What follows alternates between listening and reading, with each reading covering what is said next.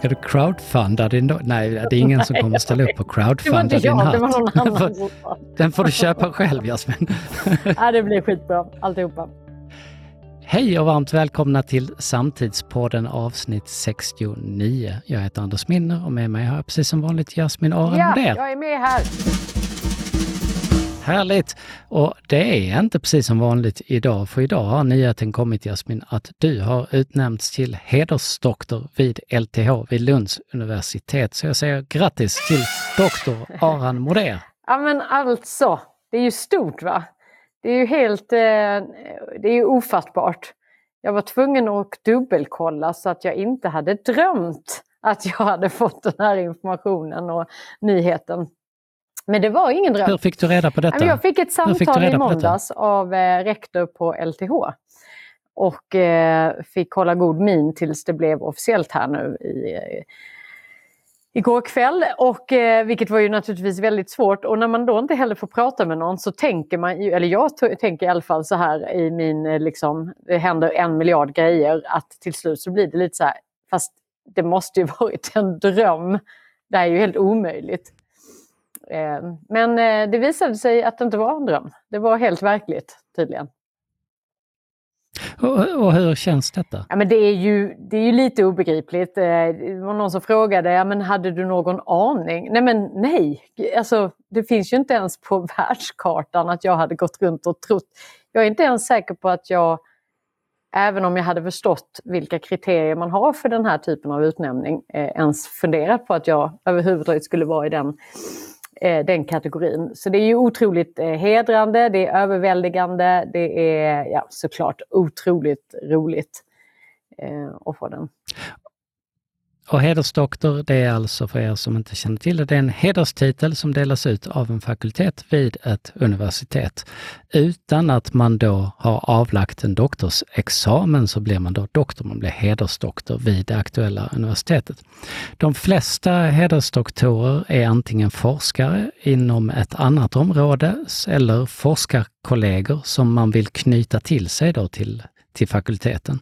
Och sen finns det då de här andra som man vill belöna för att deras gärningar de är så bra och, och att gärningarna också gagnar lärosätet. Och det är du Mm. Jasmin. Jag tänkte läsa upp motiveringen här. Jasmin Aran Moder, VD för Altitude Meetings och, bland, och även bland annat styrelseordförande i Barnfonden.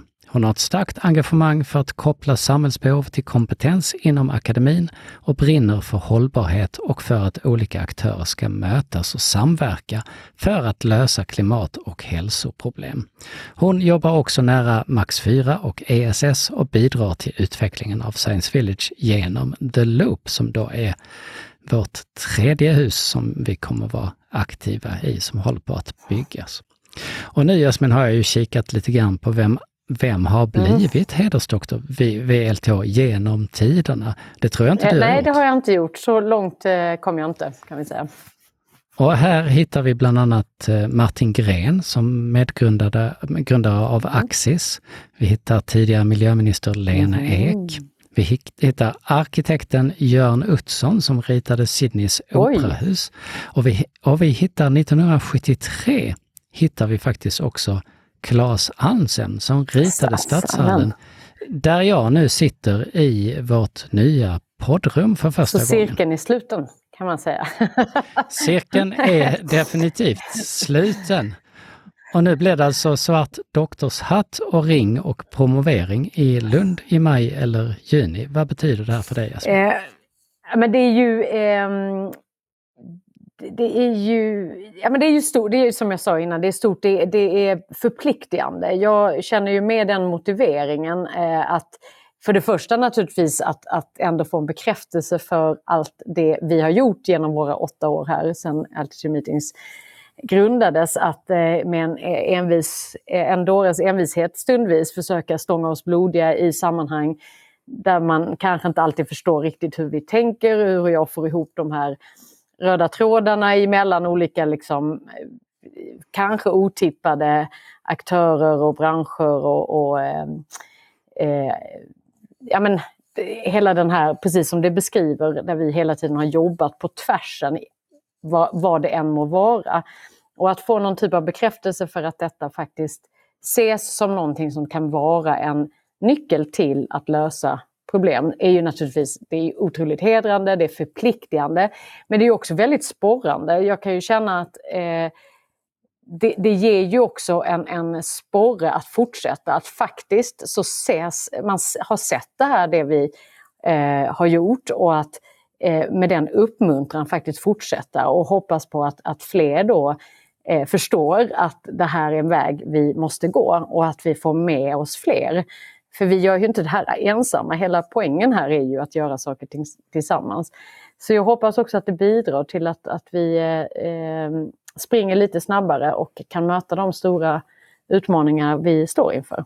Så det, ja, mm. det, är, en, det är en sporre. Så det är bara att beställa hatt och ring. Jag gissar att man får köpa ja, dem själv, det vet jag inte. Ja. Jag gissar det. Det får väl beställa i god tid. Ja, jag måste tid. beställa och det, någon kom med en idé. Kan man crowdfunda det här? För det? Nej, men jag, det, det är ju så. Jag ska köpa det själv, absolut.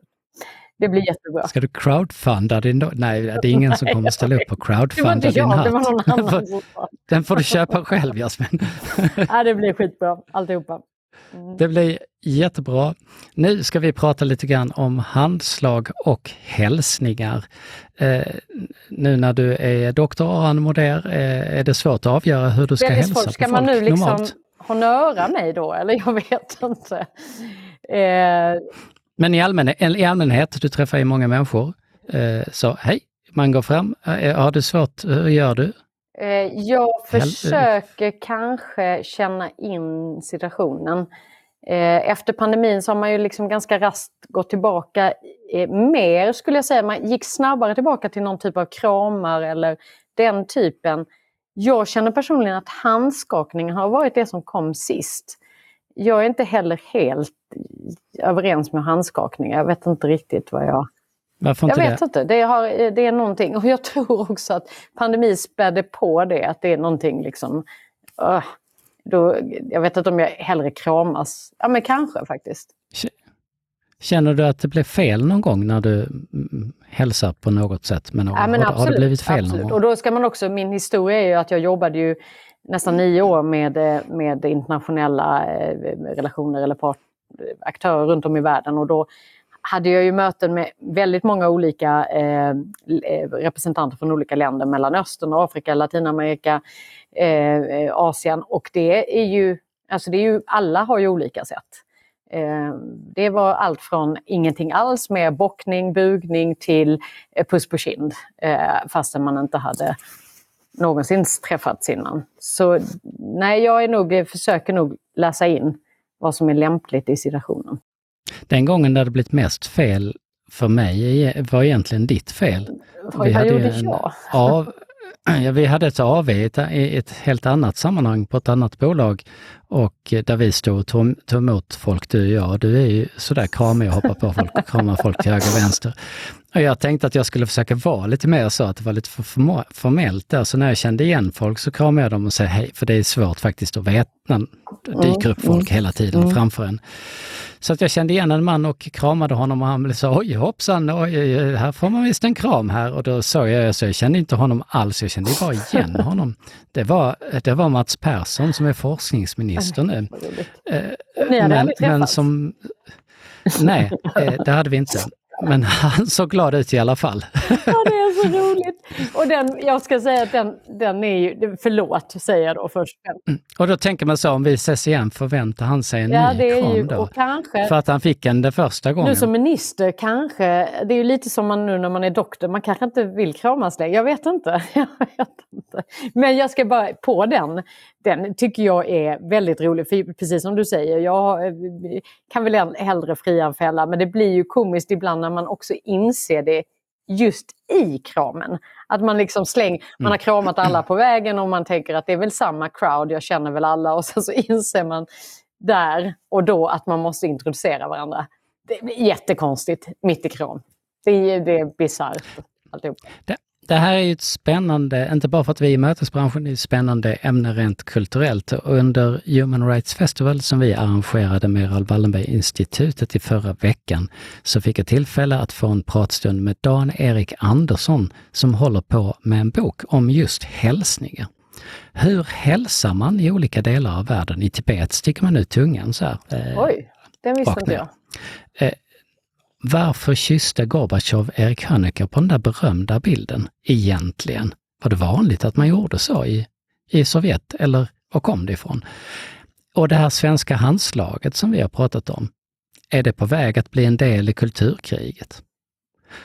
Och coronahälsningen, den här konstiga med armbågen eller folk som sparkar varandra lite lätt på smalbenet, kommer det att överleva? Och hur länge har vi egentligen tagit i hand i Sverige?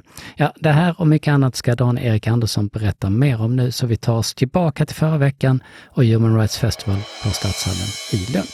Hej, jag heter Dan-Erik Andersson och jag arbetar som universitetslektor i mänskliga rättigheter på Lunds universitet. Och när vi precis träffades här för en stund sedan så tog jag i hand med dig. Varför gjorde jag det? Ja, alltså alla, nästan alla skulle jag säga, mänskliga interaktioner. Alltså om det så är i idrottssammanhang eller politiska sammanhang eller, eller om man eh, Ja, eller om man ska in och eh, titta på en ny bil eller in i en, jag kanske inte är inne i butik, men, men, men vi, vi börjar alltid med att hälsa. Och jag tror att eh, det ligger, det ligger väldigt, väldigt, väldigt grundläggande för oss att när vi ska inleda en, en någon form av relation så behöver vi hälsa på något sätt innan. Och handslaget är det sättet som hos oss är det vad ska man säga, mest naturliga för oss. Att eh, det är då vi kan känna oss mest säkra. Det är, inte, det är, till, det är lite formellt men samtidigt så vittnar det om att man ändå vill inleda någon form av relation. Så därför tror jag att du sträckte fram handen. Och jag har tidigare läst om handslag att, att, att det är belagt väldigt långt tillbaka i historien. Har, har, du någon uppfattning om när, hur tidigt det är belagt? Alltså när vi vet att vi faktiskt började alltså med? Nej, inte exakt tror jag inte att jag kan säga. Eh, eh, och det tror jag inte någon kan egentligen. Men vi vet ju att det finns sådana här stenreliefer. Eh, och det finns även målningar ifrån, eh, jag, jag kommer inte ihåg vilken av de egyptiska civilisationerna, men det är liksom många tusen år tillbaka i tiden. Då. Eh, det finns hos sumerer, eh, gamla, gamla sådana här stenhuggningar där, där, man ser att människor tar varandra i handen. Så det verkar vara så att, att det har använts i flera tusen år i alla fall. Och idag så är detta en ök ökande eh, problematik kring handslagen, eller problematik kanske inte ska säga det. Det, är en, det har accentuerats som ett problemområde. Är, är det korrekt uppfattat? Vad är det som händer i Sverige just nu när det gäller handslagen? Alltså hands, handslagets svenska historia är egentligen inte sådär eh, väldigt lång. Inte, inte på det sättet som, så som vi använder handslaget idag när vi hälsar. I princip alla hälsar med handslag. Och alla förväntas kunna hälsa med alla på handslag. Så har det inte varit särskilt länge. Utan det där är ju en del, en, någonting som kommer med, vad ska man säga, med demokratins framväxt och sådär. Så att det, för oss har det blivit väldigt kopplat till menar, kungen och drottningen ska också ta i hand när de träffar människor som de inte har träffat förut. Då. Det är en jämlikhetsfråga för oss, eller?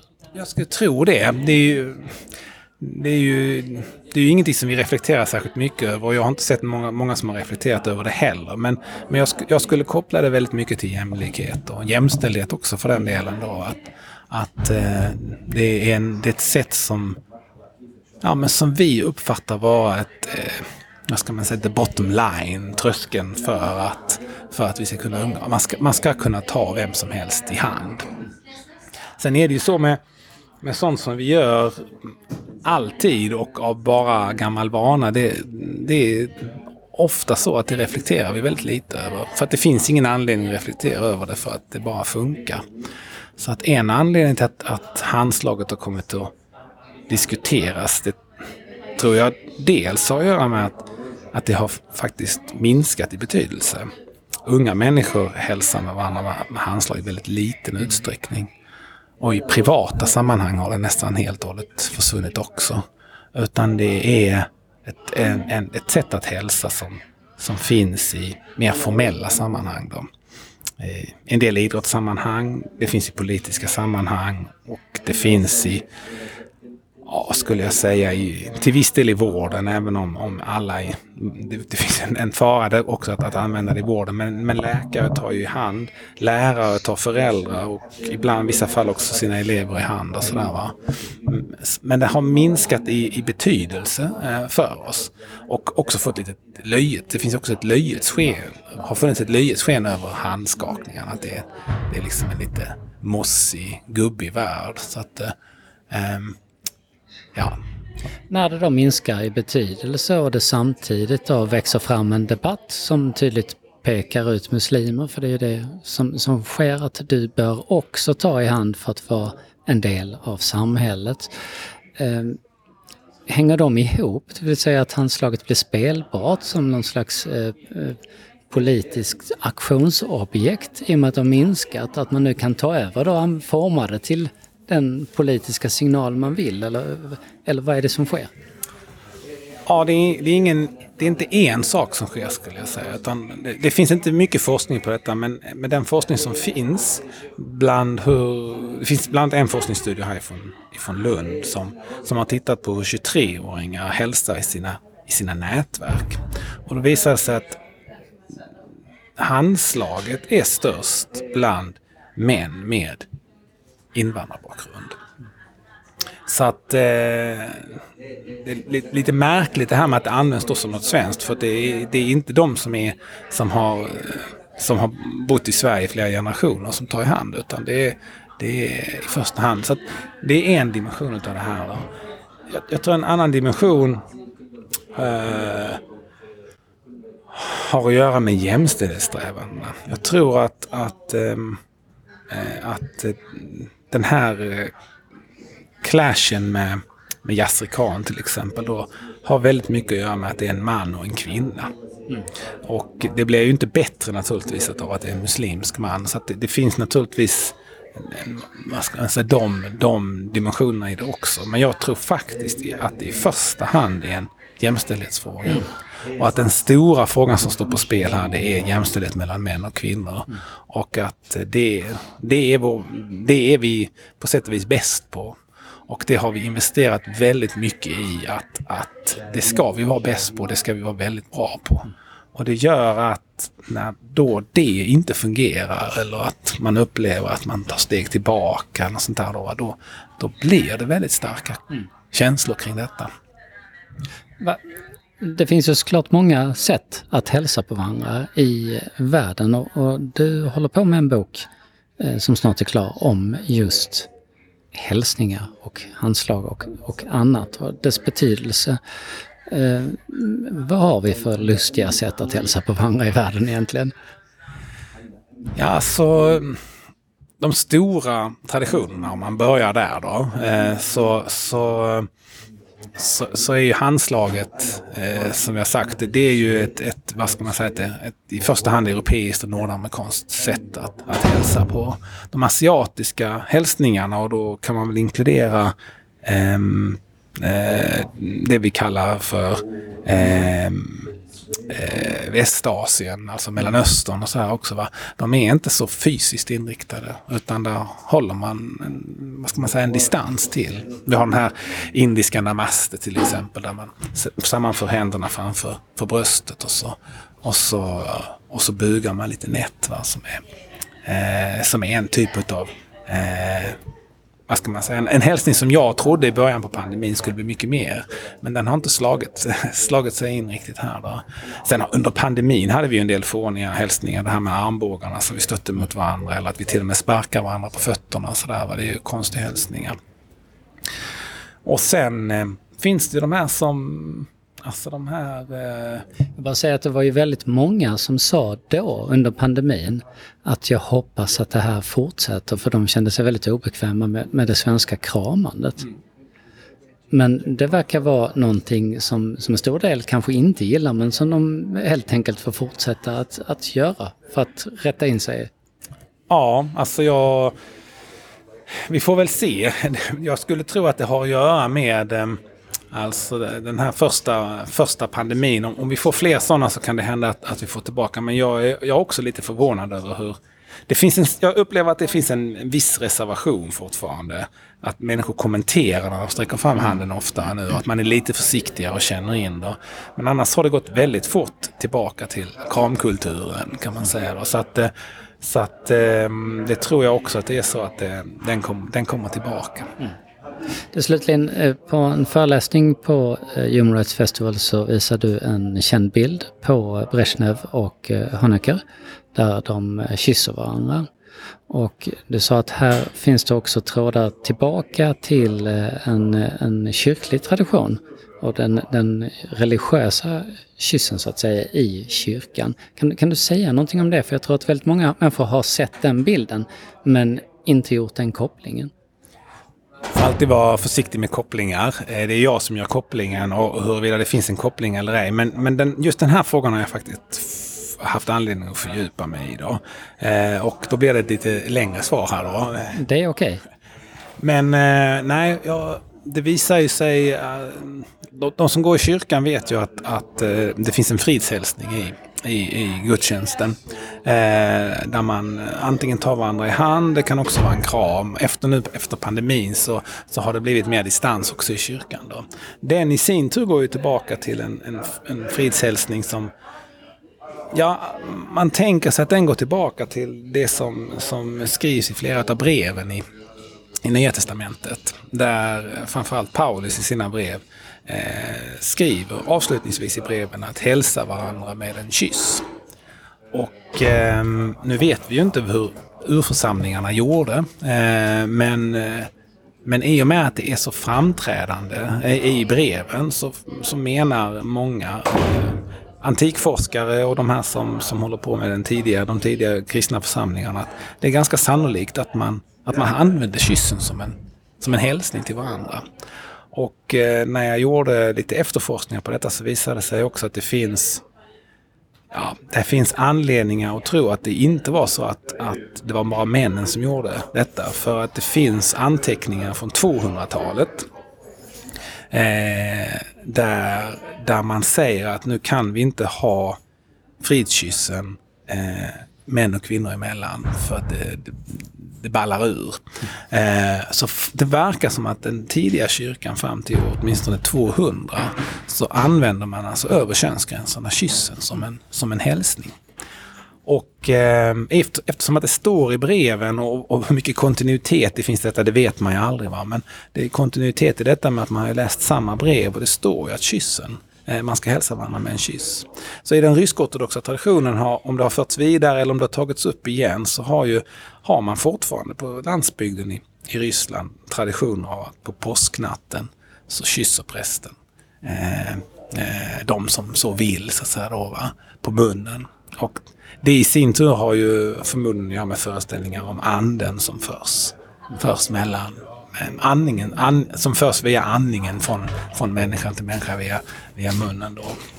Och det har varit starka traditioner, vi vet detta i, i de ortodoxa kyrkorna, att, att ikoner och detta med att man lägger läpparna emot och, och sådär. Och, och eh, då är det nog inte så långsökt att tänka sig att det är detta som de tidiga kommunisterna tar upp. Det är också en, det finns samma tankegods i detta med att alla, alla ska nu vara lika. Så att säga. Då var man upphäver den gamla ordningen. Och, och eh, detta trodde inte jag, men det, det förefaller vara så att de, även de tidiga där revolutionärerna använde kyssen som en, som en hälsning sinsemellan. Och att eh, detta fortsätter framåt och att Gorbatjov då, som, som jag nu också har sett bilder på, när han kysser Hönöker, eh, för den här traditionen vidare. Då. Så att det är någonting med, med, eh, med kontinuiteten här mellan det, den tidiga kristna församlingarna, de ortodoxa kyrkorna och den kyss som, som kommunisterna använder i, i Sovjetunionen. Stort tack för att du är med i Samtidspodden. Tack ska du ha. Och idag är det alltså torsdagen den 15 december. Julen är snart här. Har du köpt julklappar, mm. Jasmin? Lite försöker minimera. Små minimala Små julklappar minimala. blir det. Minimala julklappar blev det. Idag, den här dagen, 15 december 1654, så började ett meteorologiskt kontor i Toscana registrera dagliga vädertemperaturer första Mhm. gången. Där ser man. Jag vet inte vilket väder det var just Nej, den dagen just i det. Toscana. Man började i alla fall.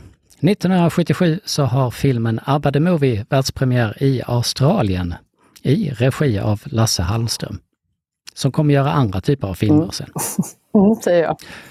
Eh, ja. 1979 så uppfinner två bröder spelet Trivial Pursuit i Mhm. köket hemma i Montreal i Kanada. 1979. Jag trodde det 1979. finns, finns en väldigt tråkig tv-serie om detta där du kan Nej, följa deras utveckling. Mm. Nej. Det var allt faktiskt från oss idag. Från Altitude Meetings. Det var från allt. Samtidspodd, Altitude Meetings, doktorstitlar och allt. Hörrni, vi, eh, vi ses och hörs snart igen, eh, hoppas jag. Ha en fin vecka och eh, köp inte för mycket julklappar. Tänk på Musikhjälpen skulle jag säga. Som gör väldigt gott arbete nu och samlar in till barn på flykt som behöver en tryggare. Och den börjar nu i Den började i måndags. Den har börjat redan. Herregud. Och idag har faktiskt min dotter en egen, de kör en musikhjälpsvariant på latinskolan hela dagen.